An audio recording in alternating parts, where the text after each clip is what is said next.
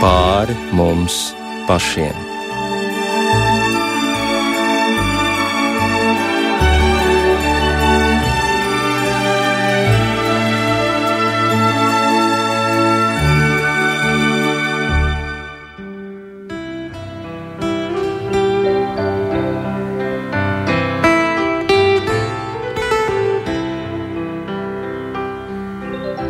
Esiet sveicināti raidījumā pāri mums pašiem, lai ir slavēts Jēzus Kristus. Studijā Inte Zēgnere, un šovakar mūsu raidījuma viesis ir priesteris, Šveices Lugano Universitātes profesors, teoloģijas zinātņu doktors Andris Marija Jārumanis. Labvakar! Labvakar! Ilgi mēs gaidījām šo tikšanos, un tiešām mēs neesam runājuši kopš kara sākuma pie mikrofona, bet eh, pasaulē pa šo laiku ir notikušas fundamentālas izmaiņas. Un šovakar mūs interesētu šis skats no cita skatu punkta uz notiekošo, jo tomēr Latvija un Šveice atrodas dažādā attālumā no Krievijas robežas.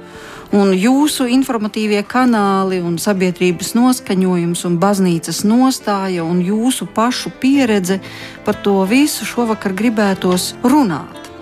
Varbūt sāksim ar to, kā Šveices sabiedrība reaģē uz apstākļiem, kādos šobrīd dzīvo Eiropa un uz šo postošo karu. Ko var dzirdēt visapkārt? Šveice ir neitrāla valsts un mēģina tātad eh, atbildēt citādāk.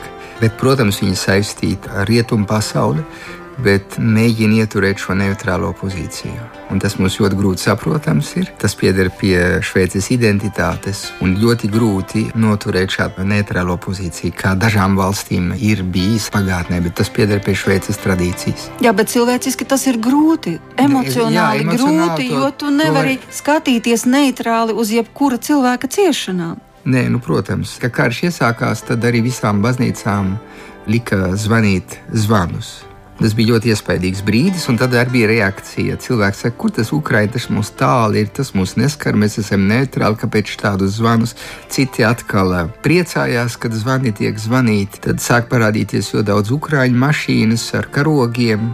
Tā kā sabiedrībā, jā, visi cilvēki runā, bet tā problēma ir netieša, jo tas tieši tā viņus neskar. Bet, eh, protams, ir satraukums un pārdomas ir un avīzēs un ziņās par to runā, bet varbūt citādāk nekā šeit Latvijā vai jeb citās Eiropas pilsētās. Daži mēģina neskatīties uz to problēmu, jo tas nozīmē skaidru attieksmi. attieksmi, un tas it kā varētu izvest ārā no neutralitātes, kas arī ir ieaudzināta mazliet cilvēkos. Tāpat kā otrā pasaules karā. Bet tagad, ja mēs tā pasaules kontekstā skatāmies no reliģiskā viedokļa, šeit negribu runāt no politiskā viedokļa, tur pietiekoši runāts. Es gribētu iziet no morāliskā un no reliģiskā viedokļa. Pāvests Francisks izdeva grāmatu, kurā ir salikti kopā vairākas runas, eh, ko viņš ir teicis pret karu vispārēji. Un kā attiekties šajā situācijā, kā Ukrainā. Un tas viss ir salikts kopā vienā grāmatā, kas iznāca tieši klusā piekdienā. Bet eh, ievads ir uzrakstīts 29. martā, tieši pirms mēneša. Un vēlos mazliet padalīties ar šo grāmatu saturu, iesākot ar šo ievadu, jo tas ievads ir ļoti bagātīgs. Viņš pasaka precīzi, kā pāvests, kā katoļu baznīcas galva, kā Romas biskups, kā viņš skatās uz to. Jo mēs zinām, ka ir arī no reliģiskā viedokļa bijis dažādi interpretējumi, ja? vērtējumā par to, kas notiek dotajā brīdī Ukrajinā. Ievadā pāvests Francisks iesaka šādu citātu: ļoti spēcīgu karš, tas nozīmē zaimošana, tā ir profanācija. Un pāvests saka, pirms gada, kad es biju svētceļojumā uz Iraku, es sapratu, ko karš izraisa kas par postu tur ir redzams, kā cilvēki ir savstarpēji um, sasnieguši tādu naidu. Es redzēju ar terorisma sekas, es redzēju iznīcinātās mājas, es redzēju ievainotās sirdis, bet es arī redzēju cerību. Bet es nekad nevaru iedomāties, ka arī tādu lietu es redzēšu šeit, Eiropā. Jau kopš desmit gadiem esmu uh, Romas biskups, un es esmu vienmēr runājis par Trešo pasaules karu. Un vienmēr esmu teicis, ka Trešais pasaules karš jau ir iesācies, bet es esmu to saucis par um, sadrumstaloto pasaules karu. Ko tas nozīmē? Tas nozīmē, ka pasaulē ir vairāk kā 280 konfliktu um, kara situācijas. Un viņš saka, tagad uh, es redzu, ka šie gabali ar vien lielāki kļūst, viņi tā kā ledus uh, vienkārši sajiet kopā. Tā pāveste saka, protams, kā Romas pāvestam, viņam ir kontakts ar priesteriem no visas pasaules.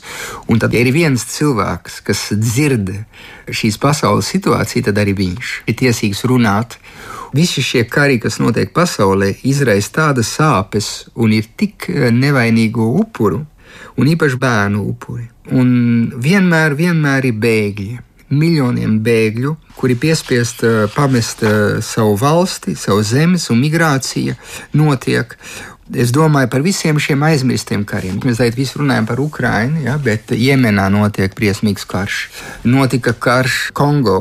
Tas nozīmē Demokrātiskā Kongo, kur mīra desmit miljonu cilvēku pēdējos 20 gadus. Mēs, kas dzīvojam e, rietumu pasaulē, mums tas neinteresē. Mēs nedzirdam, jo te ir nabagi. Tie kaut kur tālu ir. Mēs tikai redzam mazliet konsekventus migrantus, ja, kas ceļo uz ziemeļiem, un tie mums traucē arī, protams. Un bieži vien mēs, kad runājam par karu, mēs e, iekrītam tikai politiskā līmenī. Tad mēs īstenībā neredzam to traģēdiju.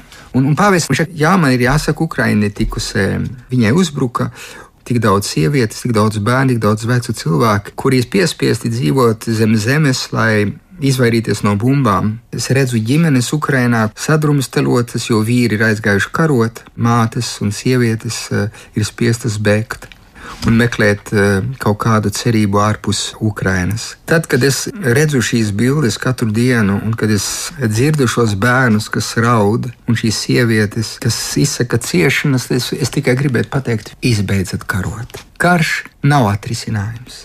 Karš ir briesmonis, karš ir kā vēzis, kas barojās apēdot citus. Pie tam karš ir zaimošana, dieva zaimošana, kas eh, neko nepatur svētu. Ne zemes bagātības, ne cilvēka dzīvi, ne vājo, ne e, trauslumu, ne dabas skaistumu. Padomāsim, kas notiek Ukrajinā, kas par mm, dabas piesāņojumu, ja, kā mēs tā domājam. Es lasīju, kādas konsekvences būs pēc kara, lai atmīnotu tās mīnas, kas tika izlaistas visur, absolūti visur. Tas nozīmē, kādas sekas tam ir. Nu, Pāvis skatās no malas un viņš saka, apturiet. Un viņš atkārto, ja karš ir profanācija, karš ir dieva zaimošana. Es nevaru neatcerēties, nepaturēt prātā to, ko Jānis 23. un 62. gadā teica. Atcerēsimies, kas bija tajā laikā augstais karš, un Kubā Krievija bija uzstādījusi raķetes. Un uh, amerikāņi to nepieļāva, negribēja pieļaut, un, un tur mazliet pietrūka, lai izceltos Trešais pasaules karš. Un tad Jānis 23. ja nemaldos, uzrunāja Kenediju un uzrunāja Kruščevu. Pāvis saka, es nevaru neatcerēties tos vārdus, un, un tāpēc tam viņš uzrakstīja tādu vēstuli mieras pasaulē, kur viņš pasvītroja, kādi ir miera pamati. Lai būtu miers, jābūt sabiedrībai brīvība, jābūt taisnīgumam un jābūt mīlestībai. Jo, ja pietrūkst šie trīs elementi, nevar būt miers. Var būt uh, izlīkšanā vai sadala kādu valsti, bet miers tad ir starposms starp diviem kariem.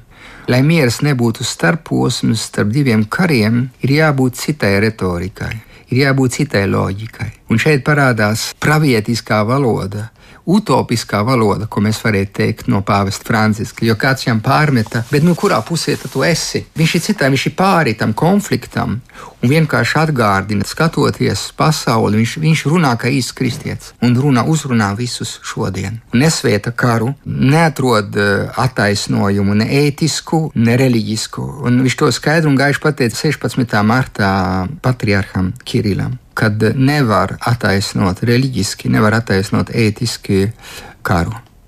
Nu, lūk, tā grāmata ir rakstīta tajā kontekstā, viņa ir domāta visiem, un tā nav politiska grāmata. Un tā ir tikko iznākusi. Jā, jā tikai tikko iznākusi, un, un mums tieši liek pārdomāt. Un šeit es turpinu šo ievadu. Viņš vēl citē Pāvilu VI, kas apvienotās nācijās 65. gadā savā slavenā runā teica: Nekad vairs karu, nē, nekad vairs karu. Kas tiešām bijis miera apustulis, to mēs aizmirstam. Jānis Pāvils II 91. gadā uh, definēs karu kā aventūru, kurai nav atpakaļceļu. Atcerieties, kad karš iesākās Irakā viens no vienīgiem, kas pretojās, bija Jānis Pāvils II. Un mēs visi redzam, tagad ārpus politiskā skatījuma, kādas kļūdas ir bijušas, ka karš neko neatrisina. Tikai sāpes, un tās rētas viņas paliek, mēs to redzam. Kā saka pāvests, mums ir uh, atmiņas zudums. Mums nav atmiņas, uh, jo mēs esam tās paudzes, kas nav piedzīvojuši karu. Uh, vecie cilvēki ir piedzīvojuši karu, un viņi skatās ar lielām bailēm. To, no kurā pusē tu esi, kā jūs sacījāt, ka pāvestam ir uzdots šis jautājums. Kaut vai šajā situācijā, kāda ir starp Krieviju un Ukrainu, nu, kurš no cilvēkiem, kas dzīvo Eiropā, var pateikt, es stāvu tam pāri? tam nav iespējams stāvēt ne, pāri, ne. jo jūs teicāt, ka nu, viens no miera resursiem un uh, elementiem tas ir taisnīgums. Bet nevar būt taisnīguma tur, kur ir agresija. Un vai mēs varam dalīt tādā gadījumā karus taisnīgos un netaisnīgos, jo ir uzbrukuma karš un ir aizstāvības karš. Saprotams, ka karš nevar būt auglīgs un ka tas jebkurā gadījumā ir slikts un nes nāvi.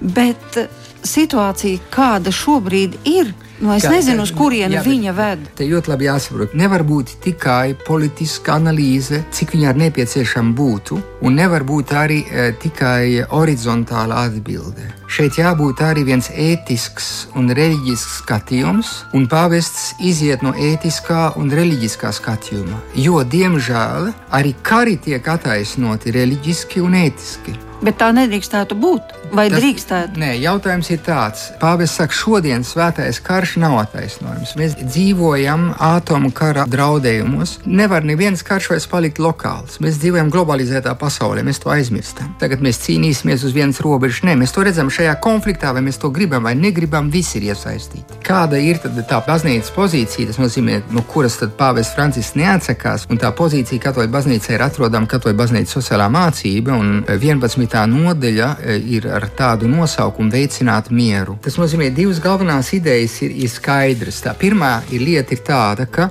uzbrukuma karš pēc būtības ir amorāls. Tas ir pirmais princips. Bet tātad bet, no otras bet, puses bet, bet, tam karam nevajadzētu vainagoties ar panākumiem tikai tāpēc, vien, ka tas ir amorāls. Ne, uzbrukuma karš. Nu, ja, uzbrukuma amorāls. Tieši tā. Otrkārt, nu, Vācija arī uzbruka. Kādu laiku tas tā turpinājās, jā, bet, bet tomēr tas nenes uzvaru. Traģiskajā gadījumā, kad sākās šāds karš, uzbrukumam pakļautās valstis ir tiesības un pienākums organizēt aizsardzību. Amorāliski ir uzbrukt vienai valstī, bet uh, leģitīmi ir aizstāvēties. Jā, ir drīkst aizstāvēties, jā, jādod iespēja aizstāvēties. Tas nevar būt vienīgais veids, lai atrisinātu problēmu. Tajā pašā reizē mērķis ir miers. Šajā situācijā ir jādara viss, lai varētu apsēsties pie galda un lai runātu un mēģinātu saprast, ko mēs tagad darīsim. Un kā jums no jūsu viedokļa izskatās yes. par to runāšanu pie galda? Dotajā brīdī ir strupceļš, ja, dažādu iemeslu dēļ. Liekas, ka nekas neiet uz priekšu, un ka situācija mainās, ka mēs paskatāmies šodien, kad karš notiek. Tad uh, dotajā brīdī mēs redzam, vai tiešām tāda griba pastāv, tas ir jautājums. Ir arī pacēlusies tāda kara retorika, kas vienkārši izraisa bailes un saprotam, ka kaut kas ir noticis, kaut kas drausmīgāks var notikties. Arī varbūt Franciskam ir taisnība, ka viņš saka, ka nu, trešais pasaules karš jau sen iesācies. Tie tik tādi gabali, kas tagad sajiet kopā. Nu, tas būtu tas vissliktākais variants visā šajā situācijā. Un te vienmēr jāpatur vēsu prātu, un vienmēr jābūt tā, ka ir jāatgādina. Pāvest Franciskam ir šī spēja parādīt, ka mēs nedrīkstam aizmirst to, ka mēs esam cilvēki. Bet ko mēs redzam? Mēs redzam, ka karš dotajā brīdī, pēc dažām liecībām, ir kļuvis tik nežēlīgs, tik mežonīgs, kad cilvēki sāk uzvesties kā zvēri, kā mežoņi. Un e, sievietes tiek izvarotas, veci cilvēki tiek nogalināti. Šeit kaut kāda robeža ir pārkāpta. Un tomēr, ja būs jāapsēžās pie tā galda un būs miers e, jānoslēdz, Bet kā tad dzīvot šādā situācijā, ja nav viena cita retorika, ja mēs paliksim tikai naida retorikā? Kādreiz starp Vāciju un Poliju, kur bija liels naids, pat starp eh, abām divām baznīcām, tad bija Karols Vojtīvā, tad nākošais Jānis Pāvils II, kas brauca uz Vāciju. Un bija slavenā satikšanās, kur viņi tad uzrakstīja tādu kopīgu tādu izlīkšanu. Tas bija iespējams tikai tāpēc, ka, tāpēc, kad atgriezās pie viena dziļāka līmeņa. Un es domāju, pāvestam ir cita loma. Viņš parāda kara traģēdiju, viņš palīdz uh, izanalizēt vardarbības loģikas kļūdu un mēģina aicināt uz atrisinājumiem. Jo jānotiek garīgai transformācijai, un šeit jānotiek tādai attīrīšanai. Un evanģēlijs mums palīdz. Tas nozīmē noskaidrot divas lietas - patiesību un uh, iziet ārā no naida loģikas. Kara ideoloģija īstenībā no agresora bieži vien ir balstīta uz meliem. Deformācija, jeb noliekšana, jeb manipulēšana, lietas nenosaukt savā vārdā, liecina par to, ka esam zaudējuši saistību ar patiesību. Un ka tikai patiesībā es varu atvesaļoties un saprast to, ko Kristus ir teicis. Patiesība jūs padarīs brīvus. Un šeit ir liela loma žurnālistiem, eh, žurnālisma ētika, kas ir ārkārtīgi svarīga. Un ir jāsaprot, ka kara ideoloģija spēlējās ar puspatiesībām. Goebbels, kas bija slavenais eh, Hitlera propagandists, viņš teica, nemelojiet, bet eh, izmantojiet puspatiesības, un jūs visu vācu tautu piemuļķosiet. Mums ir liels pienākums šajā krīzē. Tas nozīmē palikt pie patiesības. Jo nebūs taisnīguma bez patiesības. Jo melu tēvs jau ir sātans. Un katru reizi, kad es meloju, es vienkārši neveicinu miera procesu. Ne, nevar būvēt to kara stāstu, kāds viņš var būt, izējot no meliem. Un tā patiesība ir būtiska. Tas ir tas pirmais, no kura jāaiziet. Ja? Būsim patiesi. Un tad, protams, mīlestības loģika ir, ir fundamentāla. Kristietībā tas nozīmē, mēs nevaram ieiet kaina un ābeles um, naidā tajā pozīcijā, kur es otru cilvēku vienkārši izslēdzu ārā, kur kains saka, bet kurš ir mans brālis? Tas nozīmē neredzēt vai otru cilvēku seju. Tas ir tas, ko Pāvils šajā ievadā saka. Viņš atsaucās uz itāļu priesteru pravieti, kas otrā pateica, ka karš iesākās tad, kad es atņemu otram cilvēkam seju. Viņš ir naciķis, ja? viņš ir komunists. Ja? Nu tad ir vieglāk nosist vienu, kuram es esmu etiķetu uzlicis, tas ir naciķis vai tas ir komunists, nekā ka tas ir Pēteris, Jānis, Kristietis, kas dzīvo Ukrajinā vai dzīvo Maskavā vai dzīvo Rīgā. Ir vieglāk izvest vienu numuru nekā vienu cilvēku. Un šeit pāvis saka, mēs esam zaudējuši to skatu uz cilvēku. Tad, kad Hitlers sāka vajāt ebrejus, iztaisīja aptaujas un redzēja, ka vācu tautā nav tāds naids pret ebrejiem. Tad Goebbels pateica, neuzsveras, mēs gada laikā. Viņš, kas bija tāds propagandas ministrs, tajā laikā nebija televīzija, bet bija rādio, uzdāvināja rādio katrai ģimenei, gāja uz kino savā laikā, un tad nedēļas nogalē bija runčau. Tas nozīmē nedēļas nogales apskats, un tur vienmēr parādīja, ko viens ebrejs ir slikti izdarījis valstī. Katrs noziegums tika izcelts. Gada laikā, pēc gada, tur parādīja viens ārsts kaut ko slikti izdarījis, tur viens zaglis ir bijis. Iztaisīja tādu manipulāciju, ka cilvēki vairs neapjēdzās, un viņiem tas skatījums tika pārvērsts tāds, kad runāja par ebreju, redzēja zagli. Viņu reducēja uz kaut kādu noziegumu. Un, un šitā notiek manipulācija. Goebbels to ļoti labi ir aprakstījis savā propagandas grāmatā, un viņš to izdarīja eh, Vācijā. Kā tas ir iespējams, ka tādu veselu tautu vienkārši manipulē? Manipulēja ar to, ka uh, nedēļa iespēju saprast, kas ir patiesība. Un patiesība tas nozīmē atbilstība realitātei. Jo ideoloģija vienkārši manipulē ar uh, realitāti. Un pāraksta vēsturi, pāraksta notikumus, noliedz notikumus. Un tā nelaime ir tāda, ka mēs vispārējā pasaulē dzīvojam tādā, kā es te filozofiski, mēs raksturojam to pēcpatiesības laikmetu. Mēs neticam vairs, ka cilvēks ar prātu var pienākt pie patiesības. Mēs sakām, ka katram cilvēkam ir patiesība. Katram ir sava patiesība.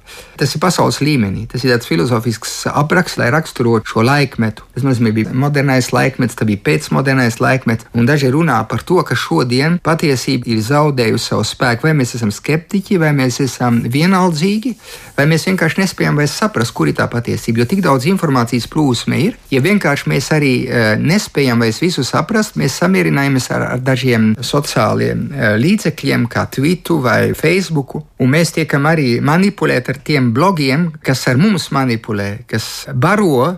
Jo mēs atgriežamies vienmēr pie tiem avotiem, kas eh, atbilst tam, ko mēs meklējam. Un mēs uzbūvējam, saka komunikācijas pētnieki, burbuli, un mēs dzīvojam tajā burbulī. Un tas burbulis iztaisa tā, ka tu vairs nespēji saprasties ar otru, kas nav tavā burbulī. Un tas ir tas, kas dotajā brīdī arī notiek šajā situācijā maz informācijas tiek dotas, jeb oficiālās ziņas ir vienīgās ziņas, kas dod iespēju satikt to realitāti. Tas nemaz nav tik viegli. Atgriežoties pie šīs grāmatas, pie šī ievada, ir, ārkārtīgi svarīgi e, saprast, ka mēs nevaram noliegt, ka mēs nezinām, kur karš var novest. Un Pāvils Francis saka, noliegt kad atomkarš ir iespējams, ir būt aklam un aizmirst to, ko vienreiz mēs tikai vēsturē esam redzējuši. Hirošima un Nagasaki, Japānā, ka mēs uzmetam, tas nozīmē, ka, lai izbeigtu ātrāk karu, mēs attaisnojam šo līdzekli, bet mērķis nekad neataisno līdzekli. Tas jau Kanta filozofijas princips ir, ka mērķim jābūt vienmēr piemērotam cilvēkam, cilvēka cieņa respektēšana. Ka es nevaru pielietot karu vai negodīgu kara līdzekli vai drausmīgu kara līdzekli, lai atrisinātu vienu problēmu. Es arī nevaru iesākt karu, lai atrisinātu problēmu. Mums ir jāpaskatās uz pagātni, un pagātne ir tā, kas mums palīdz arī šodien darīt pareizās izvēles. Tāpēc Jānis Pāvils II pēdējā grāmatā, kas ir viņa garīgais mantojums, tur runā par karu. Viņš runā par atmiņu un identitāti. Un viņš saka, ja pazūd atmiņa, tu aizmirsti kara briesmas. Ja pazūd atmiņa, tev pazūd arī uh, gudrība, tev pazūd arī morāliskās vērtības. Tāpat ar Ukrāņu tautai ir sava atmiņa. Visi atcerās, kas notikās 36. vai 37. gadā ar, ar to, ka nepieņēma kolektivizāciju, un tad tika izraisīts bats un gāja bojā sešu mēnešu laikā kādu miljonu cilvēku. Tas ir palicis Ukraiņu atmiņā. Tāpat ar Latviju nevar aizmirst izvēršanu. Ja? Bet uh, kā mēs zaudējam šo atmiņu, nenododam mūsu nākošām paudzēm šo atmiņu, mēs atsākam šīs nelaimes. Ja? Mēs atsākam izvest cilvēkus, mēs atsākam manipulēt ar patiesību. Kādreiz Anna Arendt, Anna Arendt kas ir ebrejieti, kas bija filozofa un izvesta un izdzīvoja Aušvicu. Viņa uzrakstīja vairākas grāmatas, kurā viņa pārdomāja par totalitarisma sākumu. Viņa saka, kā tas bija iespējams, un viņa vienmēr pasaka, tad, kad pazūda saistība ar patiesību. Personīgi es domāju, ka eh, šeit ir jābūt drosmei atgriezties pie patiesības un nosaukt lietas savā vārdā, nemanipulēt ar vārdiem. Karš ir karš, nevar lietot citus vārdus. Tas vārds izraida cilvēkos un visā vienā tautā kaut ko drausmīgu, un krievi ir pietiekuši cietuši no kara. Pāvis Francis saka, eh, ka mums arī jāzina, ka karš jau nav nepieciešams un ka varbūt ir citi atrisinājumi īstenībā jāiet cits ceļš. Man nāk prātā Jānis Pāvils II. Tad, kad poļi gribēja ķerties pie ieročiem, viņš viņiem teica, vajag pretoties, ņemot e, vērā Gandija piemēru, pasīvā pretošanās. Un bija lietas kārdinājums, solidārnost cilvēkiem. Mums ir tās vēstules, ko Jānis Pāvils II raksta uh, Valemcām, viņš raksta, neņemiet ieročus, neņemiet ieročus.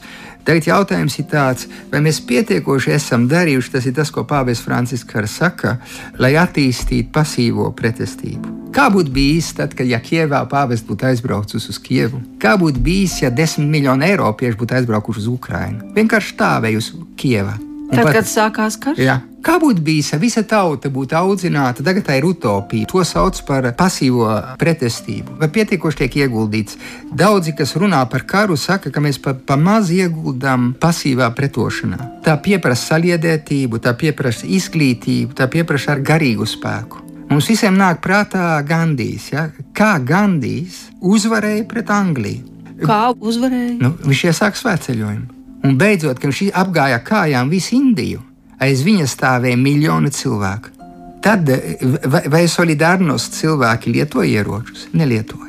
Vai mēs pietiekoši neieguldām? Vienkārši domājam, ka tikai vardarbība ir vienīgā iespēja atbildēt vardarbībai. Ir divas teorijas, kas ir vispār parabellum. Latīniski, ja tu gribi mieru, sagatavo karu. Un gatavojies karam. Ja, jā, gatavojies karam. Un tas ir tas, ko pārmet. Redz, rietuma Eiropa nav pietiekuši bruņojusies un tā tālāk. Un tā tālāk. Tad citi pateica, jā, bet vai mēs esam arī sagatavojušies pasīvai pretestībai? Tas nozīmē gara spēkam Un tas viens jautājums, un Pāvils Francisks eh, arī to jautājumu uzstāda. Mēs vienkārši domājam, ka ir automātiski tikai ekonomiskais vai militārā pretestība iespējama, bet arī garaspēks. Bet varbūt eh, arī rietumu pasaulē nu, gars ir vājinājies. Ja? Un nav vairs tās uzticības garaspēkam.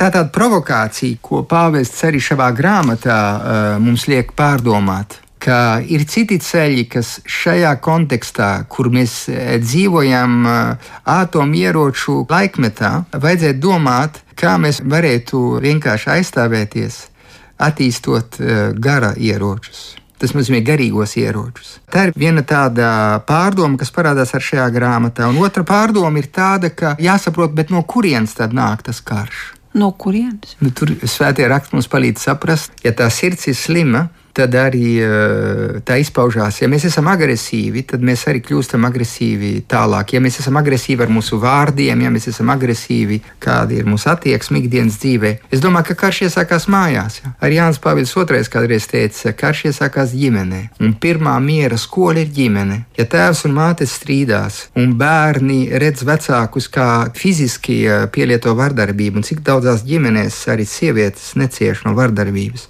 Nu, ja bērni uzaug tādā vidē, kā tu nebūsi agresīvs un kā tu nemēģinās atrisināt problēmas ar agresivitāti. Un tāpēc vienīgais ceļš ir garīga atjaunotne. Iziet no, no Kristus noslēpuma, no atjaunotā cilvēka. Un pāvesta grāmata šeit eh, liek mums pārdomāt un liek mums saprast, ka mēs nekādā ziņā nevaram piekrist kara svētīšanai, tādā nozīmē uzbrukuma, karam, ko kāds svētītu, Tas ir pilnīgi pretrunā ar Kristus evaņģēliju.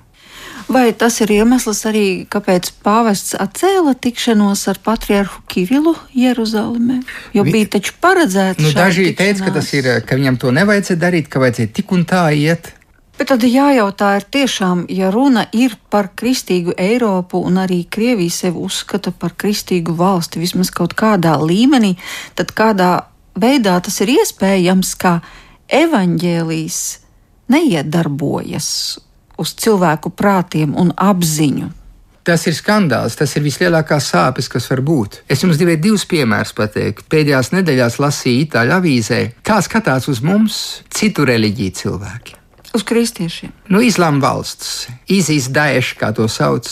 Viņi saka, krustneši cīnās savstarpēji.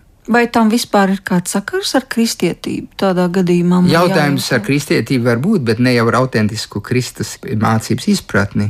Bet no malas skatoties, tas pats bija Pirmā pasaules karā. Vai tas pats bija reformācijas vai pretreformācijas laikā, kad Vācijā notikās 30 gadu reliģija karš, kuras sekas bija milzīgas? Posts bija milzīgs. Aizgāja bojā 30 gadu reliģijas kara laikā vairāk vāciešu nekā otrā pasaules karā Vācijā. Bet tas nozīmē, ka ik pa brīdim vēsturē notiek piesekšanās ar Kristus vārdu, lai attaisnotu kara darbību. Jā, diemžēl tā tas ir. Tieši tāpēc vajag atmiņai jābūt arī autopaškritiskiem, jābūt. Pāvests Francisks mums atgādina no tā redzes punkta lietas būtību. Pāvests Francisks mums atgādina, un tomēr es gribu vaicāt, ko mēs, nu, tādā plašā nozīmē, mēs esam palaiduši garām, vai ko Eiropa ir palaidusi garām, kas jūsuprāt ir tās kļūdas, kas tika pieļautas, kāpēc mēs esam nonākuši līdz šai situācijai? Tas ir ļoti smags jautājums.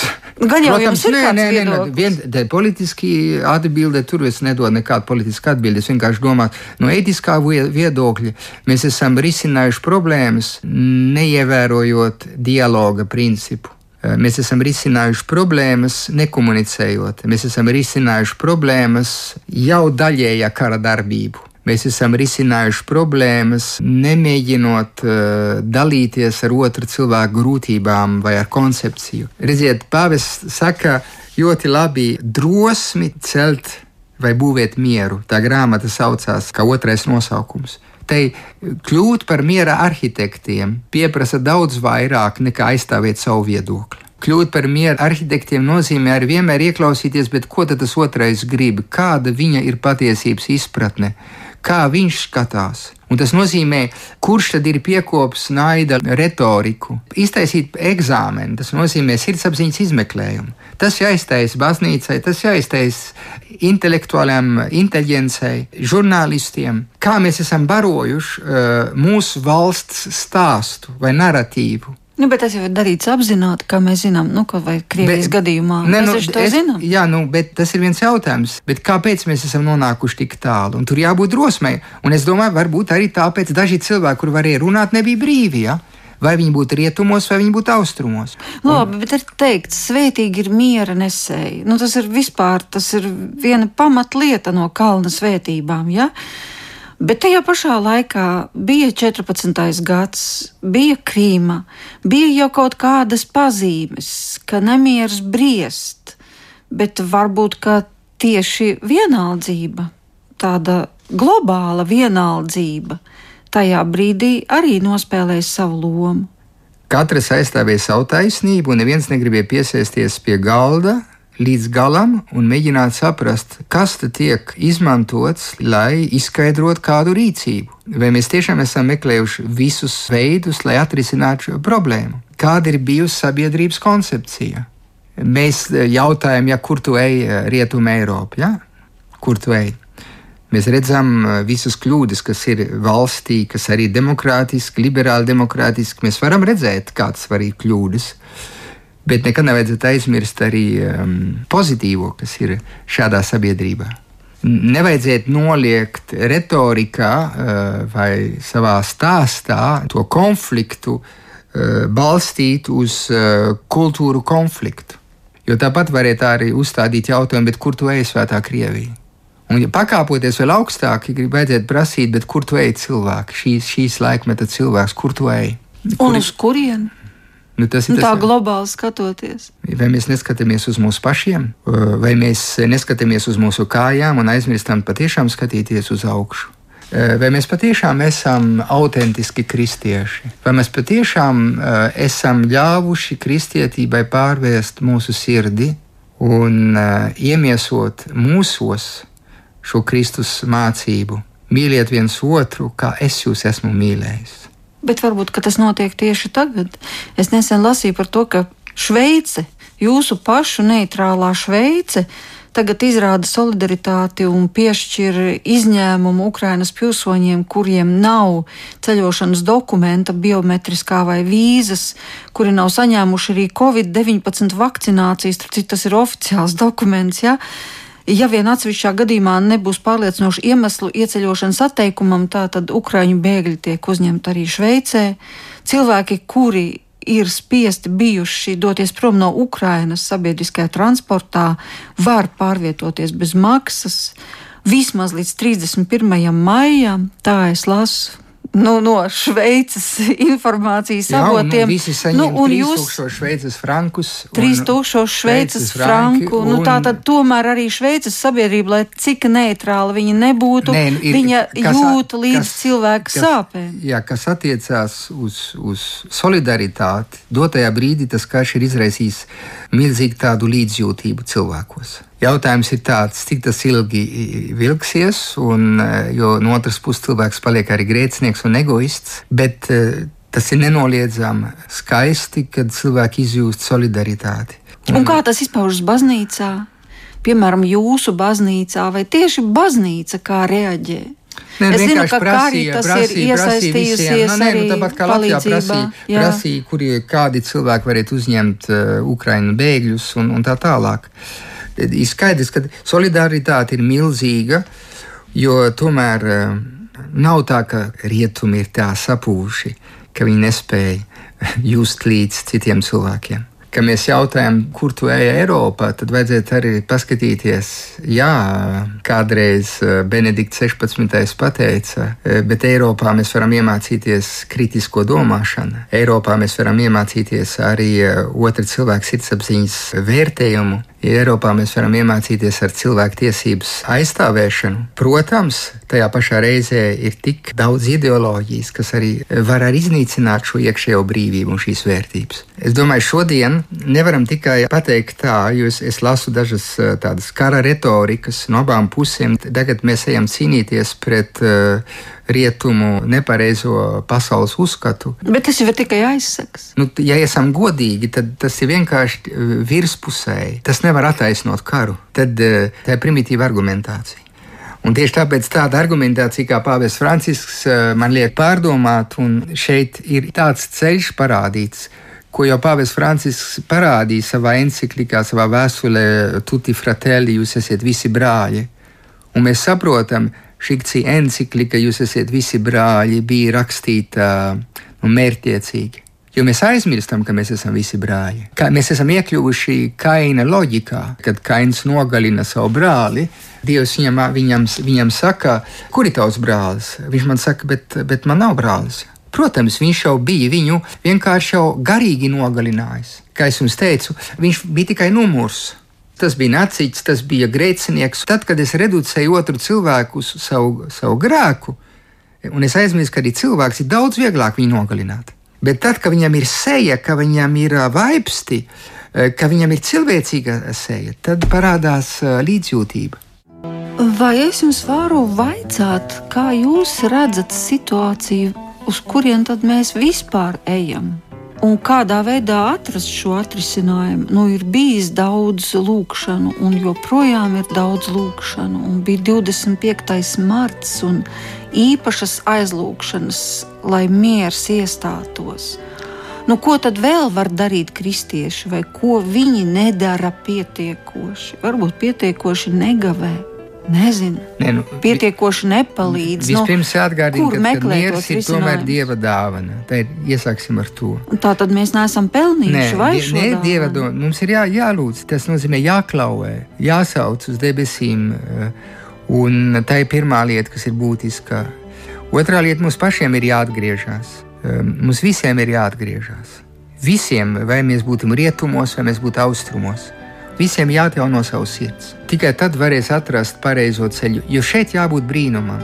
Pēc vis tā posma, kas ir izdarīts, lai tagad celtu no jauna, lai dzīvotu kopā, lai tik un tā runātu, tur jābūt pārdabisks skatījums.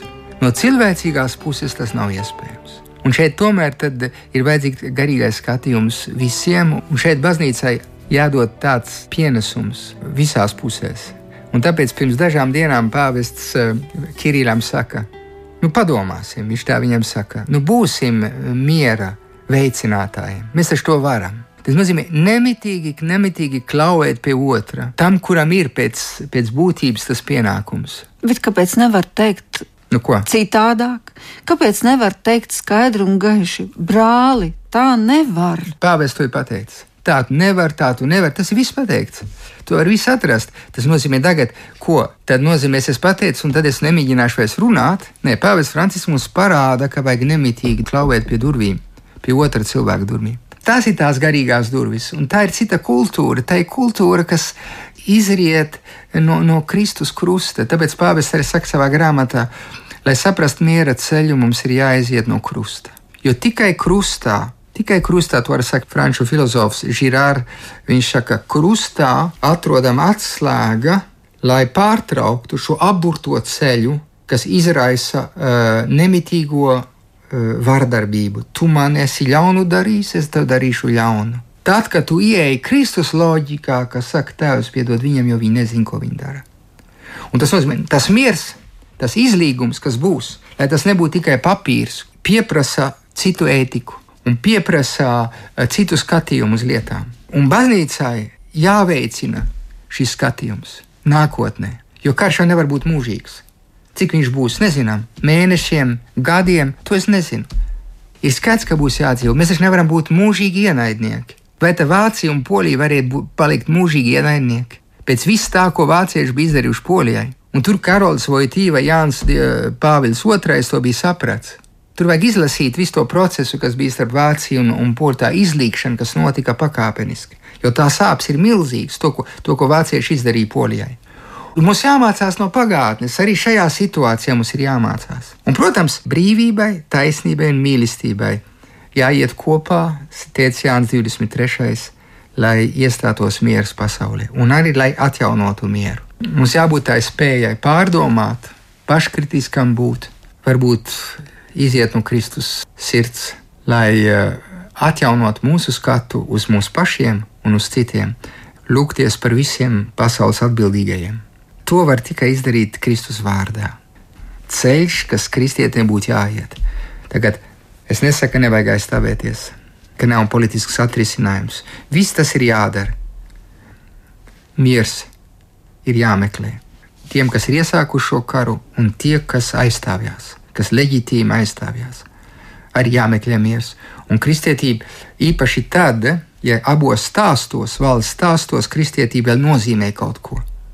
Lai nebūtu tā, ka izīs vai dēša cilvēki saka, lūk, redziet, krustneši, kas eh, cīnās savstarpēji. Bet vai nav tā, ka tādā gadījumā tas ir vienkārši pārkāpums pret uh, pirmo bausli? Tev nebūs Dieva sava kunga vārdu nelietīgi valkāt. Ja, jau, Un, ja. ja tā aizsekšanās ar Dieva vārdu ļauj iet uzbrukumā, ļauj attaisnot Tāpēc tas nozīmē, ka tā jau nav kristietība. Nē, Pāvests Francis. Tā ir tikai saka, aizsakšanās pā, ar kristietību. Jā, prāves, jā, protams, Pāvests Francis ļoti labi saka, tā ir profanācija vai dieva zaimošana. Viņš to saka šajā ievadā. Viņš uzskata, ka šis kārs Ukrainā ir dieva zaimošana un profanācija. Viņš to skaidri un gaiši pasaka. Un ka nevar būt uh, varmācība dieva vārdā. Tad karš ir neprātīgs. Ja mēs izējām diskusijā no šī viedokļa, tad mēs varam iet tālāk. Tajā virzienā mums ir jāiet. Mums nav cita ceļa, jo mēs izpostīsim mūsu māju, mūsu kopīgo māju.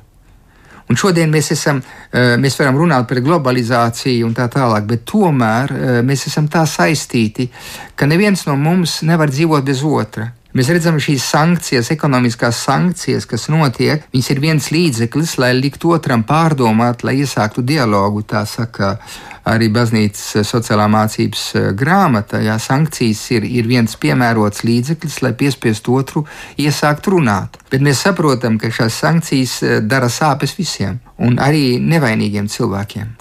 Lūk, šajā situācijā eh, Ukraiņas karš liek pārdomāt visus mūsu sabiedrības pamatus. Es atgriežos pie Jānis 23. vārdiem - brīvība, taisnīgums un, un mīlestība ir pamats pastāvīgam mieram. Jūs vispār ticat, ka tāda pasaule iestāsies un būs iespējama? Vai jūs vispār ticiet, ka uh, mēs varam mīlēt?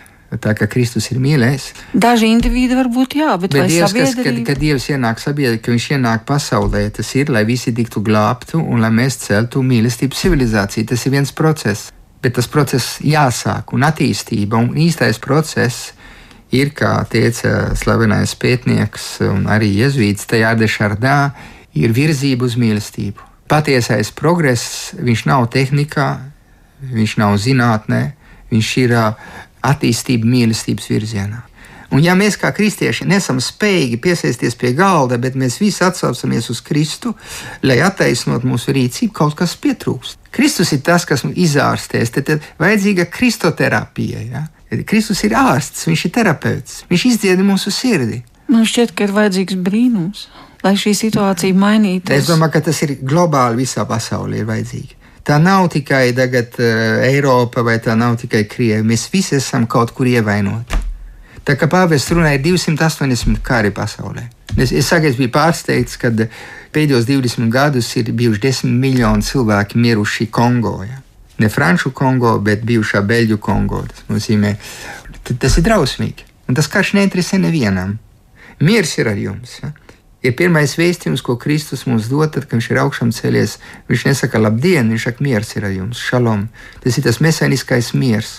Jo miers ir, eh, ir īstenībā vārds dievam, pašam dievam. Kungs ir miers svētos rakstos. Ja? Grēks ir vienkārši nemieris, disharmonija, nebūt attaisnotam. Tas nozīmē būt atdalītam.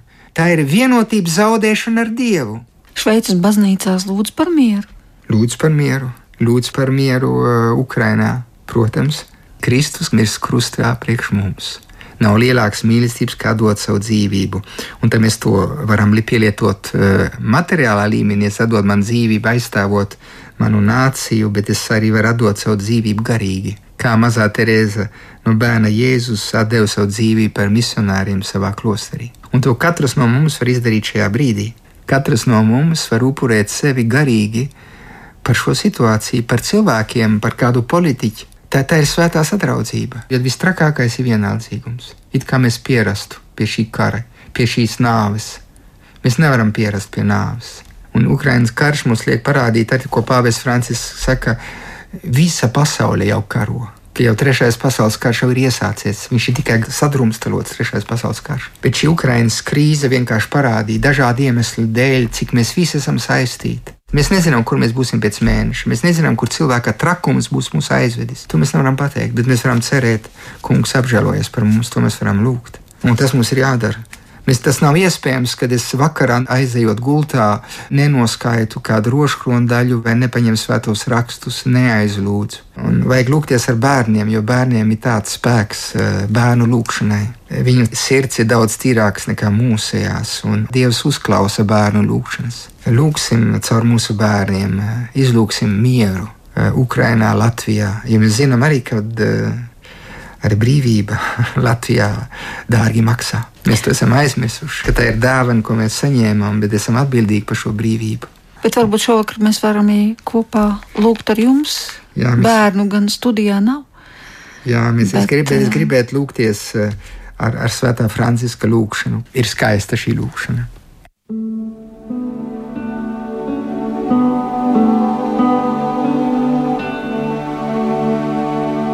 Ak, kungs, dari mani par savu miera ieroci, lai es mācītu mīlestību tur, kur ienīst lai piedotu tur, kur apvaino, lai vienoju tur, kur naids, lai modinu cerību tur, kur valda izmisums, lai iededzu gaismu tur, kur valda tumsa, lai nesu prieku tur, kur mājo rūpes.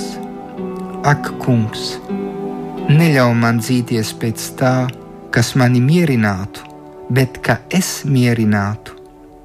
Ne lai mani saprastu, bet ka es saprastu, ne lai mani mīlētu, bet ka es mīlētu. Jo kas tā atdod, tas saņem, kas sevi aizmirst, tas atrod, kas piedod, tam piedod, un kas tā mirst, tas atmostās mūžīgajai dzīvei.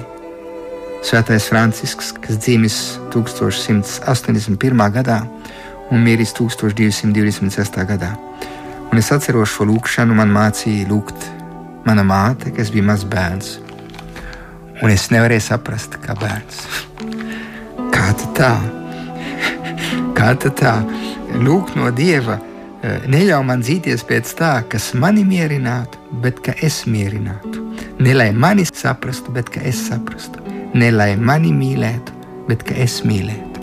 Tas nozīmē, ka tā ir pilnīgi tā Kopernika revolūcija.